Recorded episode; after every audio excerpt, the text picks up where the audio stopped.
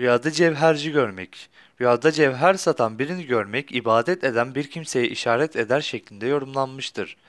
Rüyasında cevherci veya mücevherat alıp satan birini görmek, müşkül durumlarda zorlandığı meselelerde kendisine uyulan değerli bir alime, dindar ve ilim sahibi bir kimseye ve çok mal işaret olarak yorumlanır.